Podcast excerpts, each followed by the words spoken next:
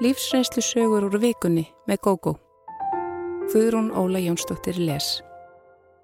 Lífsreynslu sögur vikunar eru í bóði Kids Clean It's Relief en Kids Clean er kælandi fróða sem dregur samstundis úr kláða og mingar óþægind í húð. Nálgast má vöruna í öllum helstu apotekum landsins. Við viljum gerðnan hjálpa. Ég hef unnið sem leiðsögum aður um nokkura ára skeið og varði eitt sinn vitni að undarlegu atviki sem ekki verður skýrt með neinum rögrænum hætti. Ég var í nokkura daga ferðum söður landað sömaralagi með danskan hóp. Engin í hópnum hafi komið áður til Íslands og þeim fannst í rauninni merkilegast hvað söðurlands undirlendið var flatt. Þeir höfðu séð Ísland fyrir sér með fjöllum og fossum og voru undrandi á því hvað Ísland var í raun líkt Danmörku. Bílstjórin í þessari ferð var alveg ágætur. Hann var að austan, trúverðugur jökuldælingur, en það segja jökuldælingar alltaf satt.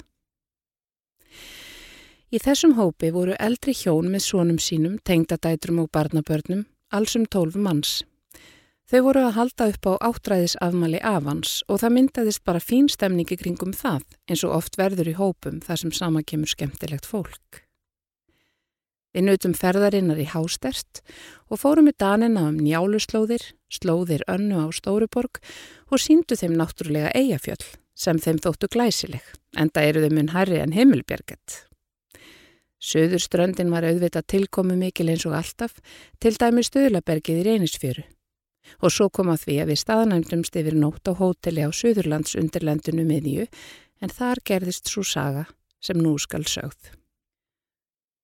Hótelið bjóð svo vel að þar var heitur pottur og gamli maðurinn ákvað að prófa hann, enda fátt íslenskar en að sitja í heitum potti að afloknum stæðilegum kvöldverði.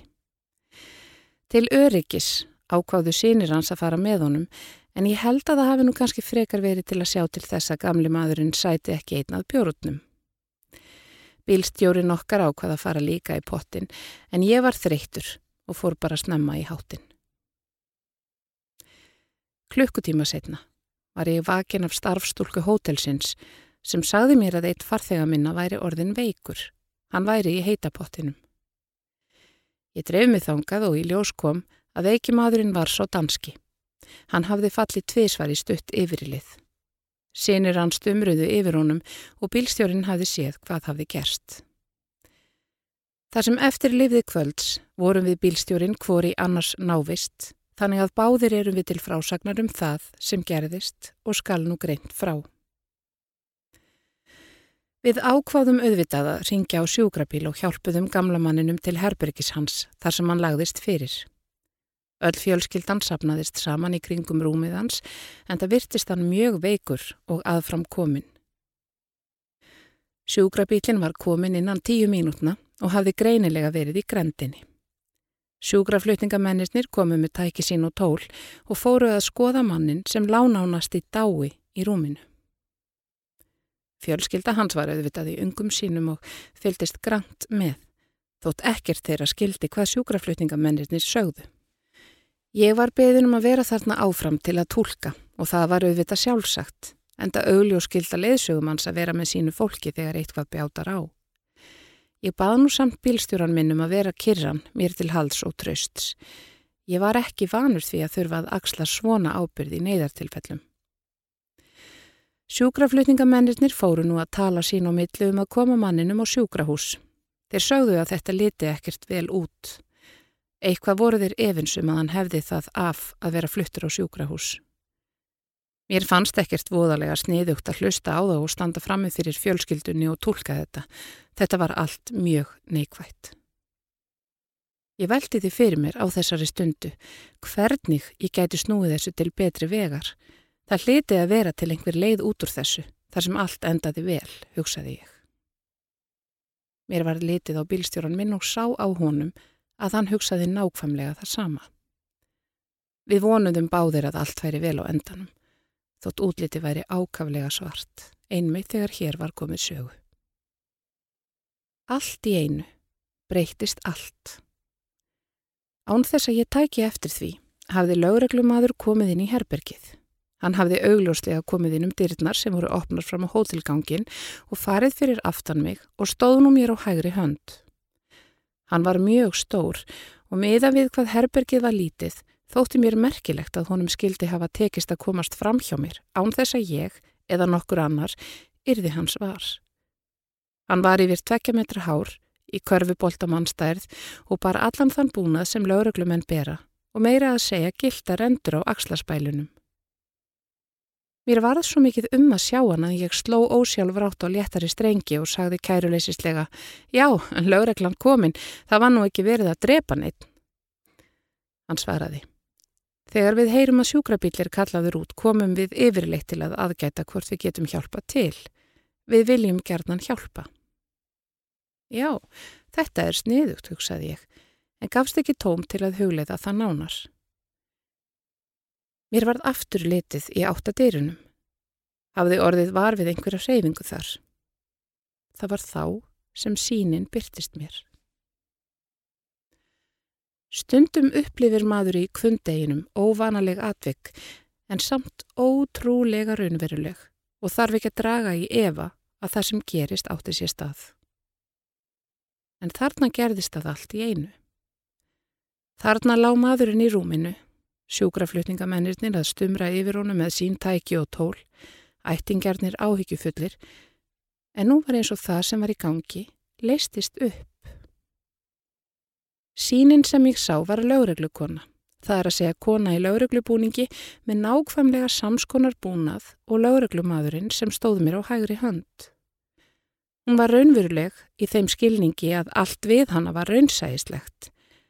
En það var samt eitthvað sem var svo óraunverulegt við hana, yfirskilvillegt, annars heims. Hún var svo falleg og það stafaði af henni svo miklum ljóma og þokka að herbergið fylltist byrtu. Ég sá út undan mér að allir urðu hennar varir. Ég veit þó ekki hvort aðrir en ég og bílstjórun okkar hafi sér ljóman sem stafaði af henni þessa yfir skilvillegu ásýnd byrtuna. Hún horfi á mig með augnaráði sem hefði hvenar sem er geta séð í gegnum mig og það var eins og hún sæi inn í aðra heima, önnur tilvistarstig. Þessi lögreglukona var ekki þessa heims. Hún horfi á mig og spurði, get ég hjálpað? Mér tókst að stinja upp Já, hann er eitthvað óres, hann danski vinur okkar hérna og bandaði með annari hendin í áttina rúminu. Og konan gekk ekki, heldur leið yfir að rúminu. Sjúkraflutningamennirnir dróðu sig í hlje og leiftinni að. Það var eins og göfug lotning einkendi allar reyfingar hennar og allt hennar fas, en ég er ekki vissum að aðrin en ég og bílstjóran hefði séð það. Hún setti höndina rétt fyrir ofan höfuð gamlamannsins þannig að lófinn snýri að andlitinu. Síðan var eins og ströymur færi um herbergið. Allt í einu opnaði gamli maðurinn augun og lauruglukonan, eða álfkonan, lifti hendinni hægt upp. Hann fyldi hönd hennar og reisti sig upp við dokk. Hann hafði verið náfölur en var nú komin með heilbreyðan róða í kynnarsnar. Þögn ríkti í hótelherberginu. Gamli maðurinn leiti kringum sig á okkur öll og sagði ég hel breytt. Allir urðu auðvitað ákaflega gladir við þessi tíðindi. Það var eins og allt losnaði úr læðingi, eins og allir losnaði úr álögum við þessi orð gamlamannsins um að hann væri orðin heill og allir fögnuðu og allir samglötust. Í fögnuðinum urðum við ekki vörfið að lauruglukonan kvarf út úr herbyrginu á samt kollega sínum, hávaksna lauruglumanninum. Sjúkraflutningamennirnir sögðust ekkert meira hafa gerað þarna, týndu saman tæki sín og tól og yfirgáðu herbyrgið. Fjölskylda mannsins þyrptist í kringumann og allir voru ákaflega fegnir yfir því hvernig þetta fór allt saman. Ég var samt ekki alveg búin að afgreða þetta mál og baði bílstjóran minn um að koma með mér fram í móttöku hótelsins. Þar spurði ég stúlkuna í móttökunni. Hvað heitir hún, þessi unga kona sem er í lögreglunni hér? Það er vart tægt að lýsa því, hvernig okkur varð innanbrjósts, þegar hún svaraði og sagði, það er engin kona í lögreglunni hér. Við stóðum lengi þöglir, horðum hvor á annan og vissum að við hefðum orði vitni að einhverju sem verður ekki skýrt með neinum raukrænum hætti. En danski ferðarlangurinn okkar leik á allsoti það sem eftir lifði ferðarinnar og öll hans fjölskylda með. Þau fóru síðan heim til Danmerkur algjörlega óvitandi um það að gamli maðurinn hefði fengið óvænta hjálp úr íslenskum huliðsheimum og vita það ekki enn í dag. Nákvæmlega svona gerðist þessi saga. Jökuldælingurinn getur borið um það.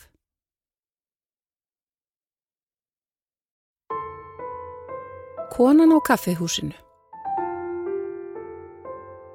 Bestu vinkonu minni kynntist ég fyrir nokkrum árum undir nokkuð sérkennilegum kringumstæðum en atbyrðir á kaffihúsi þar sem ég vann urðu til þess að við fundum hvor aðra. En það hafði bara góð áhrif og við höfum geta hleyið mikið af því sem gerðist.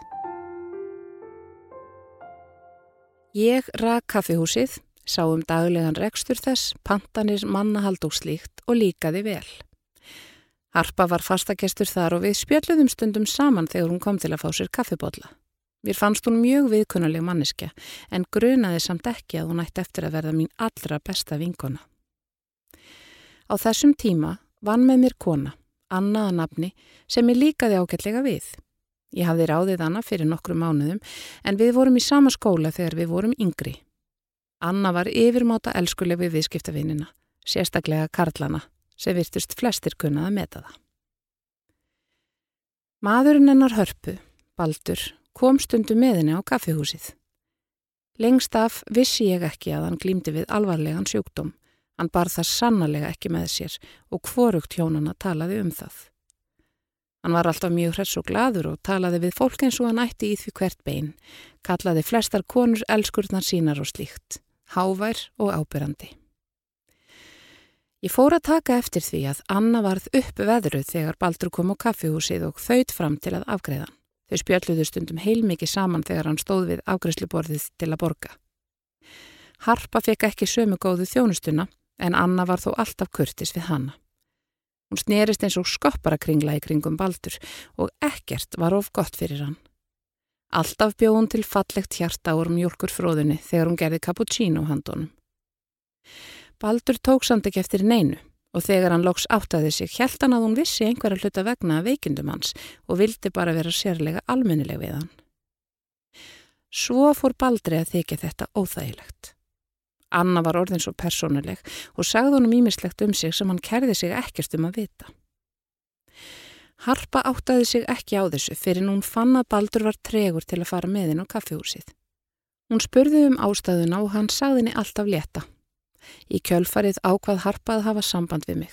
Hún var svo litið vandraðaleg í símanum en ég baði hann um að vera rólega. Ég hefði vissulega tekið eftir því hversu mikið hún snerist í kringum baldur en grunaði þó ekki hversu langt hún hefði gengið eða að hún finnist það óþægilegt. Vissulega sá ég ekki alltaf til önnu en komst að því að hún dadraði mjög opinskátt við baldur þegar enginn sá til. Hann síndi henni einn tóma ljúmennsku sem æstana upp í dadrinu virtist vera.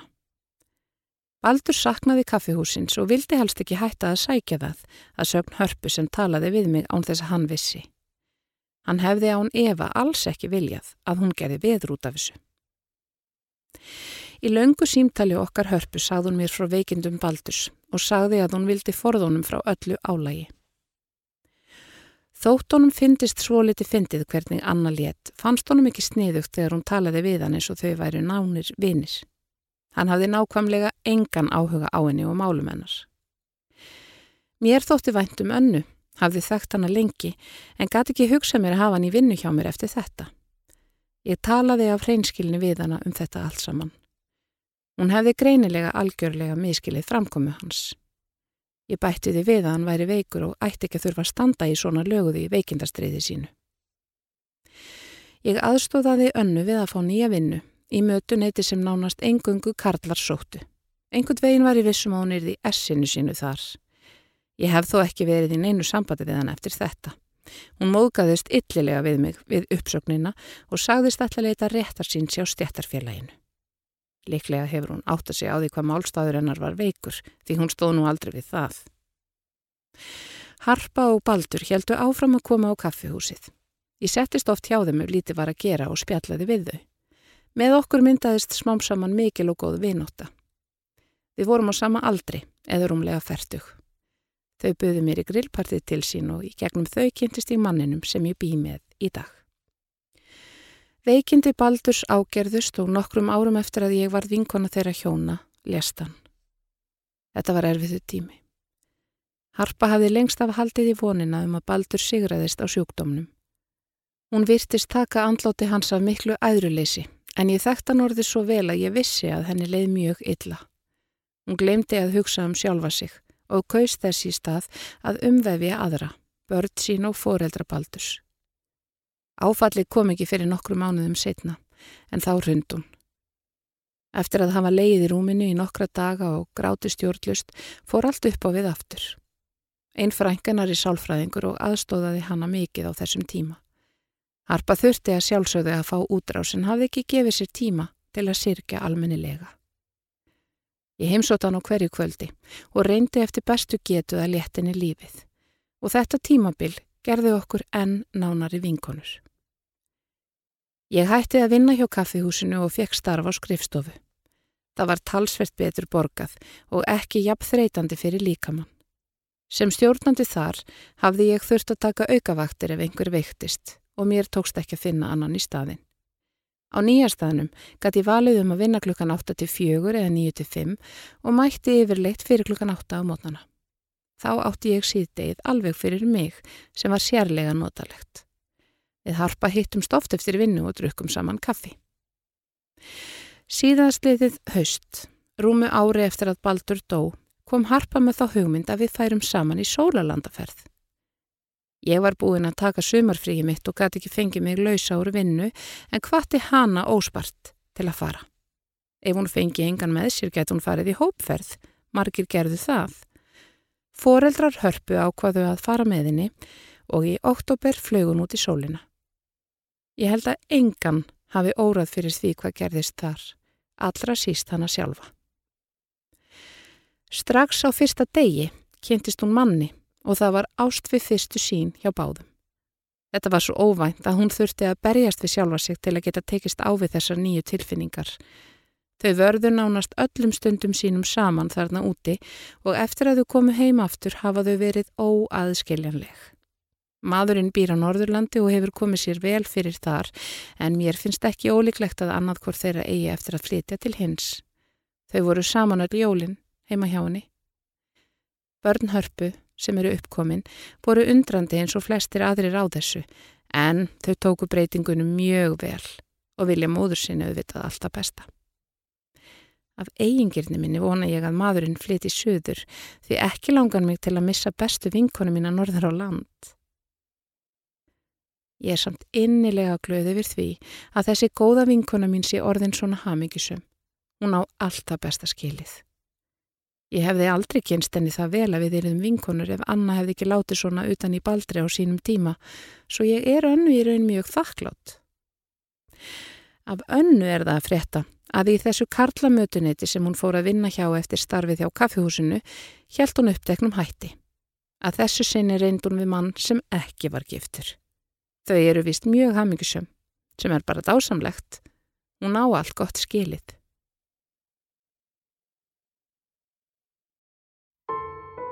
að laða til sín mann. Vinkona mín hefur alltaf verið svo litil dellukjærling þegar kemur að því döllræna og fer yfirleitt alla leiði því sem hún hefur áhuga á. Hún heldur því fram að maðurinn minn hafi komið inn í líf mitt vegna sérstakrar gjafar sem hún færði mér. Við bára höfum verið bestu vinkonur frá úlingsárunum. Mér hefur alltaf fundist hún með skemmtilegri konum sem ég hef kynst og þótt hún fái dellu fyrir hlutunum er það bara hluti af persónuleika hennar. Ég hafði gaman af því þegar hún var á kafi í stjörnusbeki og gerði stjörnunkort fyrir okkur vini sína og lagði spil fyrir okkur þegar hún var á tarotímanum sínum. Hún var aldrei almennilega sátt við kærastan minn til margra ára en sagði mér það þó ekki fyrir en eftir að ég var hætt með honum. Þegar við byrjuðum saman á sínum tíma gaf hún mér þó góð ráð varðandi einhverja spennu í kortum okkar en sagði samt aldrei að sambandi geti ekki gengið. Ég viðurkenni að sambandi var oft ansi erfitt en hvort það var vegna afstöðu stjarnana veit ég ekki og hef litla trú á. Ég var svo ástfangin af honum að ég let sitt á hverju yfir mig ganga sem ég hefði aldrei átt að sætta mig við. Svo fór að lókum að ég gafst upp og sleit því. Skýringar báru á þessu voru svo sem ekkert galnar.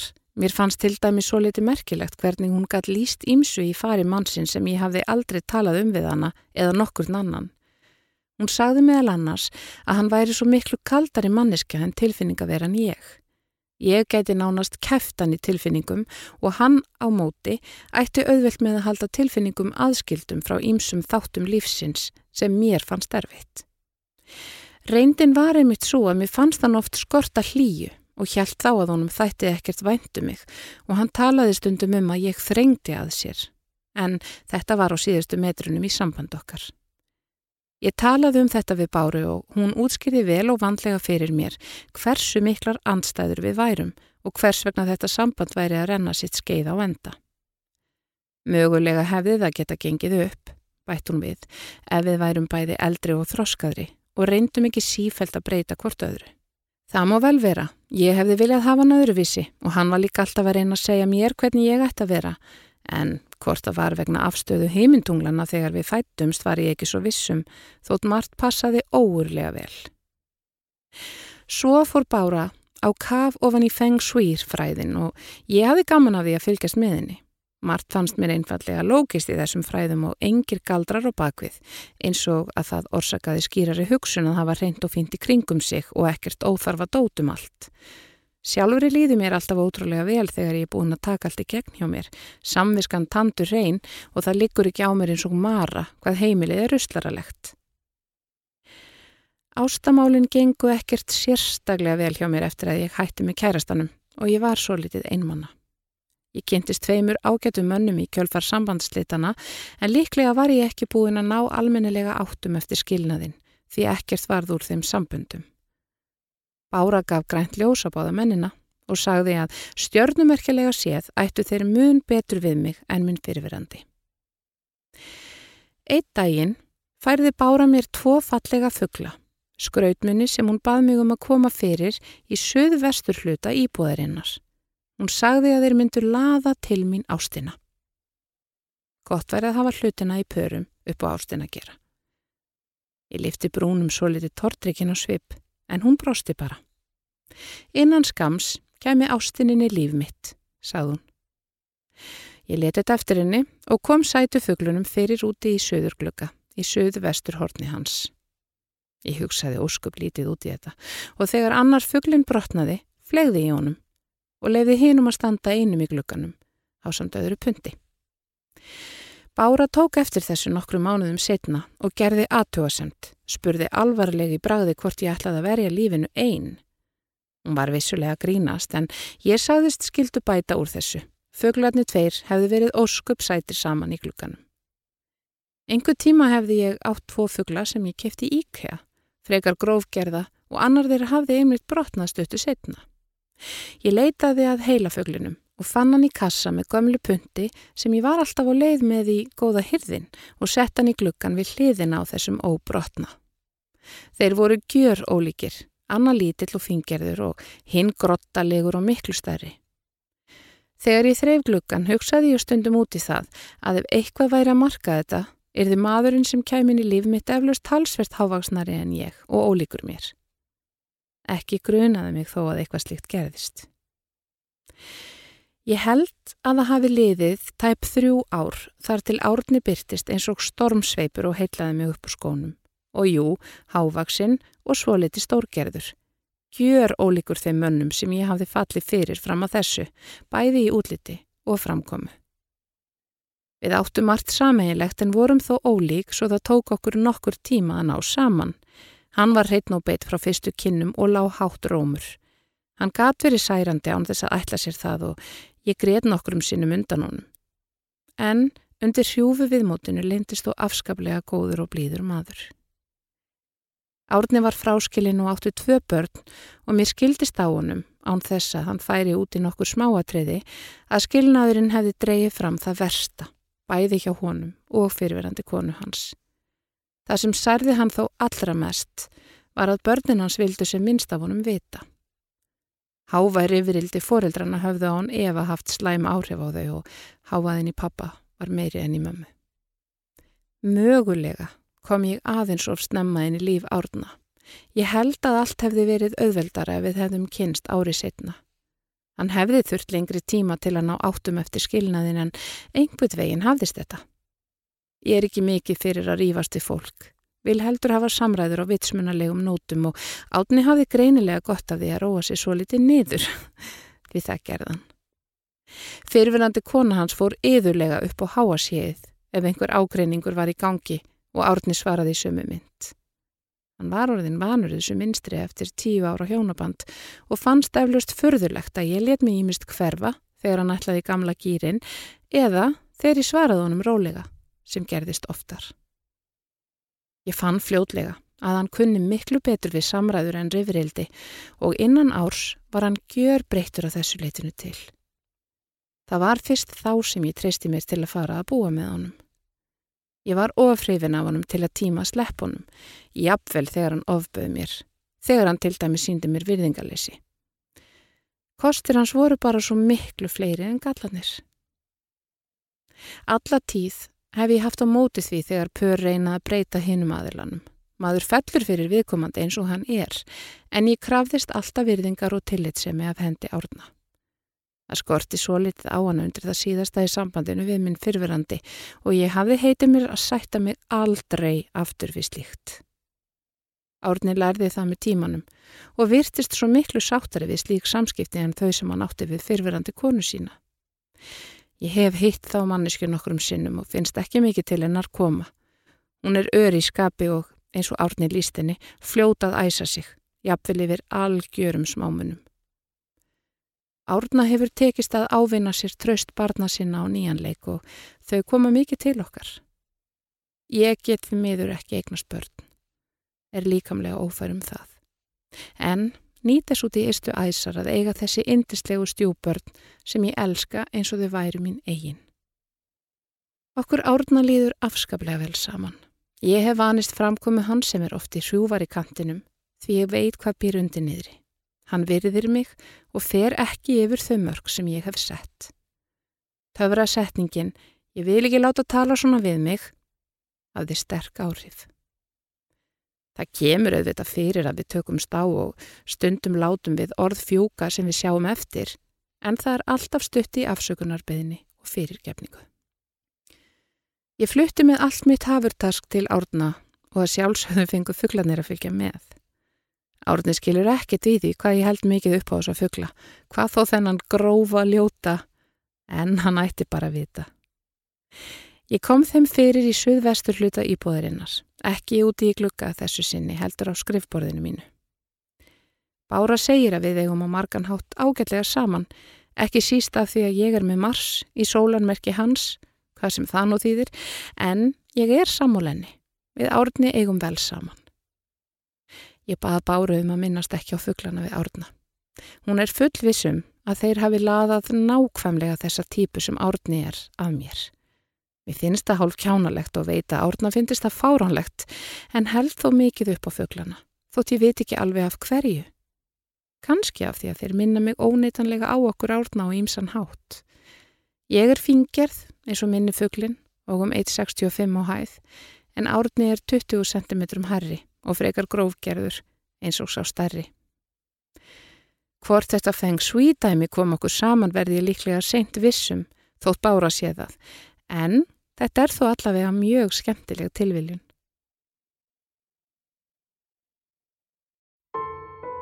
Hinn fullkomna fjölskylda Um tvítugt kynntist ég góðu manni sem síðar varð eiginmaður minn. Hann hafði mikla, eiginlega sjúglega mikla þörf fyrir fullkomna fjölskyldu, en sjálfur upplifði hann ekki eðlilegt fjölskyldulífi æsku að eigin mati. Mér leið æg oftar eins og líf mitt væri lélegt leikritt. Fyrsta kærastan eignaðist ég þegar ég var 15 ára. Hann var í sama skóla og ég og algjör ljúflingur. Við vorum saman í eitt ár eða þar til ég byrjaði í mentaskóla. Þeir kærastar til viðbótar komu inn í líf mitt fram á 21 ás aldri en þá kynntist ég Pétri, bráðmyndarlegu manni sem var 7 árum eldri en ég. Hann var velmentaður og í góðu starfi, algjör happafengur að mati vinkvenna minna sem sögðust dauð öfunda mig af honum. Við kynntumst á skemmtistað. Hann gaf sig á tal við mig þar sem ég stóð einn við barinn og reyndi að kaupa mér bjór.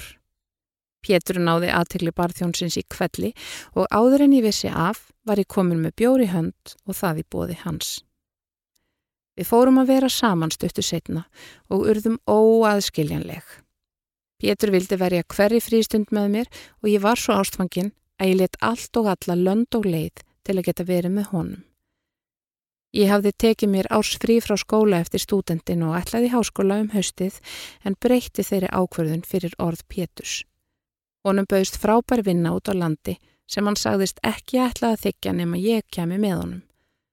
Auðvita flutti ég með, skára væriða nú, hann var ástinn í lífi mínu. Hm. Við komum okkur vel fyrir í fallegu einbílisúsi í kaupstanum og mér fannst lífi leika við mig. Ég ætlaði að finna mér vinnu þarna og aðtuga einnig með háskólan ám utanskóla en óvænt var því ófrísk þrátt fyrir að vera á pillunni. Pétur var yfir sig hamingjusamur með vantarlega fjölkun, mun ánaðri en ég. Mér fannst ég of ung til að eignast börn og átt eftir að gera svo marst. Dótturinn kom í heiminn og var algjör gleðigjafi. Fóreldrar mínir heimsóttu okkur og nokkrum sinnum yfir sig lukkuleg með fyrsta barnabarnið. Ég hafði haldið fram á þessu að Pétri líkaði vel við fóreldra mína en varð vörfið að honum leið best þegar við vorum tvör saman á samt barninu. Hann talaði sem minnst við fóreldra mína og virtist frekar þvingaður í návist þeirra. Þau fundu það og smám saman fækkaði heimsöknum þeirra án þess að ég áttaði mig almennelega á því. Við bættum það upp með löngum og góðum símtölum. Þegar dóttir mín var orðin rúmlega árskuömmur fór ég að finna fyrir erðarleysi og orðaði það við Pétur. Ég sáð honum að mér vantaði eitthvað að gera annað en að hugsa um heimilið og barnið Mér finnist líka leiðinlegt að eiga enga góða vini í þessum bæ, bara kunningja, og ég saknaði fóreldra minna og vina. Pétur sagði að ég gæti bara ringt í fólk þegar mér leittist, til þess væri símin. Dótturinn væri alltaf ung til ég að færa vinna frá henni. Ég ætti að gera mig grein fyrir því. Við reyðumstum þetta og á endanum leti ég undan. Ég lagðist í bókalestur og byrjaði líka að prjóna. Það gerði viðburðarsnöytt og einmannalegt líf mitt mun léttbærara. Pétur var allsæl með húsmóðurlegu konuna sína og tjáði mér það á ímsan máta. Hann rósaði mér endar bara fyrir að gera það sem hann vildi að ég gerði. Hann varð fútlefi, talaði lengi í síma við mömmu og pappa þegar hann var heima. Jafnvel þótt hann væri að horfa á sjónvarpið og barni sopnað. Mér fannst barnalegt hjá hann að vera svona frekur á aðtegli en stitti kvöldsýmtölin sem voru þó alls ekki algeng til að þóknast honum. Á þessum tíma var ég ekki farin að átta mig á því hvað ég var orðin einangruð frá öðru fólki. Pétri leiði ekki vel með annað fólk en mig í kringum sig og allt átt að vera svo fullkomið.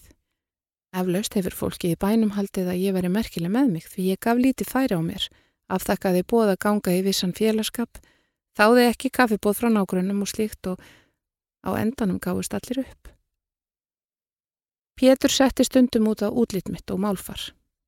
Ég var ekki feitt en hafði bætt örfáum kílóum á mig á meðgöngunni sem virtist ángran eitthvað. Hann leiði rétti málfar mitt og sagði stundum að ég talaði eins og úlingur. Ég varð óerugari með mig og ég stóð mig að því að reyna að þóknast Pétri á allan hátt. Fóreldrar Pétur spjöku í útlöndum þar sem fadir hann starfaði og þau komi ör sjaldan í heimsókn. Mér fannst þau ekki vera ánægð með val Péturs á tengdadóttur. Ég fann ekkert fyrir því í kringu brúköpið en við tímanum fór mér að finnast eins og þau litu niður á mig. Eins og sonurinn hefði tekið niður fyrir sig með því að giftast ómentari konu. Þessu fólki fann stútespróf algjör lámarksmentun en þau voru bæði velmentuð, sérstaklega tengdapappi og afskaplega snoppuð. Þau höfðu ferðast mikið og fannst þau yfir flesta hafinn Þau voru allt og fáið til að sína mig leiðindi en kunnu vel þá list að sína mig lítilsveriðingu án þess að hægt væri að festa hönd á því. Pétur heimsótti þau, örsjaldan og sem betur fyrr baðan mig aldrei um að koma með sér. Honum virtist heldur ekki líða sérlega vel í návistira. Dóttur okkar var þryggja ára og ég farin að leita mér að vinnu þegar Pétur talaði um að eignast annað barn. Ég vildi það alls ekki, en sagðist ætla að hugsa málið. Ég þorðir reynlega ekki að svara honum neytandi. Ekki svo löngu setna sagði ég Pétri að ég vildi býða aðeins með frekari barnignir í hálft ár eða ár og helt áfram á pillunni. Atvinnu ástandi var ekki sérlega gott í þessum bæ og ég fann ekkert við mitt hæfi. Úrtölur Pétur spættu ekki úr skák. Hann vildi hafa mig heimavinandi. Það fór ekki á millimála. Eitt kvöldi þegar ég ætlaði að fara að taka pilluna sá ég mér til undrunar að ég var þegar búin að því sem var skrítið vegna þess að mér raka ekki minni til þess. Ég hafði ekkert farið á baðherbergið og efri hæðinni allt kvöldið og þar gemdi ég pilluspjaldið. Að mér lætist sá grunur að Pétur hefði eitthvað haft með þetta að gera en ég sagði ekkert við hann heldur tók hinn síðustu pilluna á spjaldinu. Ég fannst þetta mjög óþægilegt og kom pilluspjaldinu fyrir ofan í snirtuveskinu mínu. Tveimur mánuðum setna tók ég eftir því að pilladagsins var horfin svo ég þóttist fullvissum að Pétur hefði farið í veskið. Af því að ég var á verði tók ég eftir þessu, annars hefði ég á nefa haldið að ég hefði glimt í að taka hana. Ég fór að hugsa um hvort Pétur hefði kannski gert þetta þegar ég var ófrísk á sínum tíma en dótturinn kom undir þrátt fyrir að ég væri á pillunni. Eitt kvöldið var ég óvenju erðarlaus og fann fyrir pyrringi. Dótturinn var sopnuð og Pétur satt og horfið á sjónvarpið. Ég settist hjá honum og spurði hann reynd út hvort hann hefði tekið pillur úr pilluspjöldunum mínum til að ég erði ófrísk. Viðbröð Péturs komi mér á óvart, mjög svo. Hann stökk upp úr stólnum og greip í handlikin á mér. Bað mig vinsamlegast um að koma ekki með svona ásakanir. Hann væri nógu sári við því að ég vildi ekki eignast annað bann með honum og ég ætti ekki að vera með svona byll. Þarna sannfærðist ég um að hann hefði gert þetta. Ef hann hefði verið saklusafissu hefði hann bara farið að hlæja. Í kjölfar þessa atviks breytist allt. Ég fór að endur með þetta lífi mitt og áttaði mig á því að ég elskaði Pétur ekki lengur. Mér fannst ég eins og fangi og staðsetti lélugu leikriti og þráði mest af öllu að losna úr því. Það var sjúklegt hvað Pétur lagði mikla áherslu á að eiga hérna fullkomnu fjölskyldu. Ég vissi að yrðunum gífurlegt áfall ef ég færi fram á skilnað en það ákvaði ég að gera fyrir það síðar. Ég varð að losna úr þessu gerfi lífi sem ég lifiði. Það leið heilt ár áður en ég þorði að minnast á hjónaskilnað. Alveg eins og ég vissi þá varð Pétur brjálaður en ég stóð först á mínu. Hann hótaði að taka af mér barnið eins og ég hafði búið mig undir en ég var sallaróleg sagði að vonandi bæri okkur gæfa til að skilja í góðu og að dóttur okkar gæti umgengist báða foreldra sína sem mest. Ég vissi að þetta væri nösunum á honum því hann hafði ynga þólimæði kakvar dóttur okkar nema þegar hún var hrein og rólega eða sofandi. Ég sá um alla umönnun hennar en vissi að honum þóttum ég væntum hana. Ég flutti í bæin og heim til foreldra minna á sam dóttur minni. Eftir að ég stakku upp á við Pétur að hann væri með dóttur okkar annan hvert mánuð dró hann mjög í land. Ekki hefði viku og viku fyrir komulega gengi vegna fjarlæðirinnar, svo hugmynd mínu mánuð og mánuð hefði frekar gengið upp. Ég gæti þá farið í háskóla eins og mér hafði dreymt um síðustu árin, en það yrði erfiðara ef ég væri með dóttur okkar alfarið. Mér langaði satt að segja að koma staði hvort honum væri alvara með að vilja umgangast dóttur sína svona mikill, eða hvort hann ætlaði að reyna að nota hana gegn mér. Í ljós koma það síðara var rétt, því við skilnaðin var ákveðið að umgengni hans við dóttur okkar yrði eftir samkomurlegi. Mér fannst gott að því sanna komi ljós, en með tímanum varð Pétur miklu betri pappi. Hann flutti til Reykjavíkur innan árs eftir skilnaðin og þá fóru feðgininn að hittast fyrir alvöru og hann síndi og sannaði að hann er frábær fadir. Hann fann sér nýja konu, ekki með tvö börn og er mjög hafmyggjusamur. Hann virðist ekki reyna að móta konuna í eitthvert fjölskylduform, heldur hefur hann greinilega eitthvað lært af skilnaði okkar tvekja, þar sem við útskýrði fyrir honum hver stjórnsemi hans hefði haft skadaleg áhrif á hjónabandið. Lífið er hardla gott núna. Ég fór í háskólunámi sem ég þráði og er komin í sambúð með indislegu manni. Pétur er góður maður, það verður ekki af honum tekið. Hann upplifði einmannalega æsku sem engabart foreldra sem höfðu engan tíma fyrir hann. Því reyndi hann að búa til hinn að fullkomnu fjölskyldu nema hvað hinn aða leikarinn í leikritinu leika ekki hlutverk sitt á réttan hátt að hans mati.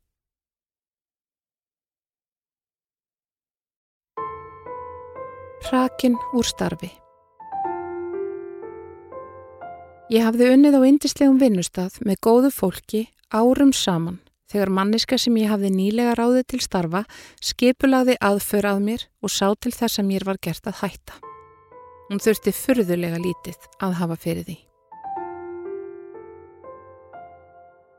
Þetta gerðist á vorumánuðum árið 2005 um hábjartan dag fyrir fram að nefið á öllum. Tveimur árum áður hafði ég komið úr veikindaleifi eftir að hafa verið í tíu mánuða lifi á geislameðferð vegna krabbamins. Á sama tíma hafði ég gengið í gegnum erfiðan skilnað. Þessi tími allur hafði verið afar erfiður en ég hafði náð fullri starfsorku og var eins og alltaf og eins og þeir sem þekkja mig vita full af lífsorku og til ég að leggja allt í starfið. Ég var leikskólastjóri á höfuðborgarsvæðinu í nýbyggðum leikskóla sem hafði verið byggður sérstaklega eftir minni hugmyndafræði. Ég hafði í 11 ár unnið með frábæru starfsfólki að því að byggja upp umhverfistefnu skólans. Meðal annars hafði ég skoðað umhverfisvæna skólabyggingar og rekstur erlendis til að byggja hugmyndir mínar á. Það var því spennandi verkefni framöndan að takast á við að festa umhverfistefnuna í sessi og sanna tilveru rétt umhverfisfræðslu með svo ungum börnum. Ekki lengu áður en allt rundi hafði ég ráðið aðstóðar leikskólastjóra mér við hlið. Ég þekkti lítið til konunar en átti bara vona góðu samstarfi við hana eins og aðra í gegnum árin. Eitt sveitungi hennar varaði mig reyndar viðinni og sagði Það verður ekki langt ánga til hún verður búin að velta þér úr sessi því að hún hefur einn slíkt þar sem hún hefur verið. Mér fannst það fáranleg tiljósun. Ég sem hafði með góðu samstarfsfólki byggt starfið upp í fjölmörg ár með fullum stuðningi yfirmanna minna. Næsta skref var að sækja um grænfánan sem er viðurkenning til skóla sem byggja upp umhverfismönd. Eitt daginn hrundi svo allur tilveru grundvöldur minn. Ég fekk símdal þar sem ég var beðin að mæta næsta morgun á fund með tveim konum, fagstjóra og starfsmannastjóra. Mér var ekkert gefið upp hvað ætti að ræða þar og mér dætt ekkert slæmt í hug. Ég mætti snemma næsta dag og var tilkynnt að bæði foreldrar og starfsfólk hefðu ringt og kvartað undan erfiðu samstarfi við mig. Ég kom alveg að fjöllum og sagðist bara fara og ræða við fólki og ná samkommulagi um úrbætur. Nei, þú ferð ekkert aftur í vinnuna, sögðu þær. Við sjáum um að tala við starfsfólkið. Mér var bókstaflega stilt upp við vegg og gefið var í skinn að ég væri óhæft til stjórnunarstarfa. Mér var ráðlagt að skrifa undir uppsögn og starfi mínu á staðnum. Ég var gjörsamlega nýðurbrotinn þegar ég skrifaði undir uppsögnina sem var auðsjámanlega fyrirfram undirbúin af þeirra hálfu. Næstu daga satt ég heima, alveg eigði lögð. Ég vissi ekkert hvað gera skildi. Svo fóru vinirnir að koma í heimsók til minn og þeirra álöðu mér að hafa samband við stjættarfélagið. Reyndar syngdu líka nokkrir foreldrar barnana á leikskólanum og skildu ekkert hvað hafði gerst og síndu mér stöðning. Hluti af starfsfólkinu hafði líka samband og sagðist vita að kvartanirnar hefði verið skipulagðar af aðstóðar leikskólastjóranum. Starfsfólki sagði mér líka að meiri hluti þeirra hefði ekki við neinu að kvartaka hvert mér og vildi að ég kæmi aftur. Ég hafði samband við formann stjættarfélagsins sem fór með mér til lögfræðingsfélagsins til að segja mína sögu. Þau lofuðu mér að setja allt í gang til að rifta þessari uppsögn. Ég var svo niðurbrotin á þessum tíma að sýstri mín bauð mér í viku ferð til útlanda sem ég þáði. Ferðin gerði mér mjög gott og ég verðinni ævarandi þakklátt fyrir þetta. Ég reyndi að gleima þessu öllu saman á meðan við vorum í ferðinni.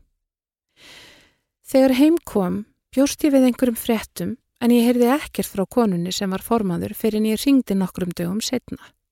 Þá sagði hún mér að eftir samtal við þær stöllur sem sögðu mér upp, vinkonur enna reyndar, hefðu þær ákveðið að ekki væri hægt að draga tilbaka uppsögn sem var gerð með mínu samþykki. Ég var þó búin að útskýra fyrir formanninum hvernig þær þröngvuðu mér til að skrifa undir þegar ég var alveg nýðurbrotin. En svona lög sem satt málinu. Ég hef aldrei geta litið þessar konur sömu augum, mun aldrei steyðja þær til neitna trúnaðarstarfa og mun aldrei aftur starfa í leikskóla hjá þessu sveitarfélagi. Ég var svo heppin að fá strax vinnu hjá öðru sveitarfélagi. Þar starfa ég enn og hef ekki fengið neitt nema hrós fyrir vinnu mína.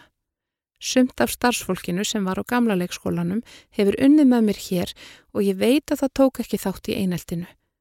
Þetta eru allt konur og þær var sagt mér að þær hafi reynd að hafa áhrif á málið með því að senda bref mér til stuðnings en því hafi ekki verið sint. Mér verður stundum hugsað til þessara þryggja kvenna sem tóku þessa afdrifaríku ákverðun án þessa blikka auga. Þeim hlítur stundum að líða illa ef þar hafa einhverja samvisku. Það má líka leifa því að fylgja með að konan sem ég réð sem aðstóðar leikskólastjóra og var potturinn og pannan í þessu fekk ekki starfið mitt eins og hún hafði ætlað sér. Það var því viðurkjent að hún hefði staðið fyrir eineltinu en ég var aldrei beðin afsökunar eða gefin kostur á að ræða við mitt fólk. Ég er svo heppin að hafa mikinn stuðning bæði frá vinahóp og samtökum sem ég starfa í og gat þess vegna unnið mig útrussu. Það eru ekki allir svo heppnir og ég veit um marga sem hafa lendi svipuðu og aldrei geta stund að vinna upp frá því. Ég er líka afskaplega jákvæð manneskjað eðlisfari sem hefur án Eva hjálpað mér að vinna mig út úr þessu þaulskipulagða eineldi en þetta var ekkit annað en það. Fólk virðist ekki gera sig grein fyrir því hvaða áhrif svona eineldi hefur á þann sem í því lendir. Þetta hefur leið á mér í nokkur ár þótt mér hafi tekist að vinna mig út úr því og þess vegna segi ég frá þessu sem viti til varnaðar fyrir aðra. Glemdu þær stöllur sem neittu mig til að segja upp að setja upp glerugun þennan dag? Er ekki auð séðað um skipulagt einelti og aðför er að ræða þegar einhver hefur starfað í 25 ár hjá sama aðila og aldrei fengi neitt nema hrós fyrir sín störf en fær svo allt í einu kvartanir frá fimm eða sex aðilum sama morgunin. Er ekki allt í lægi með fólk? Þú varst að hlusta á lífsreynslusögur úr vikunni með GóGó í lestri Guðrúnar Óli Jónsdóttur og framleiðslu Storysight árið 2020. Höfundaréttur Vikan.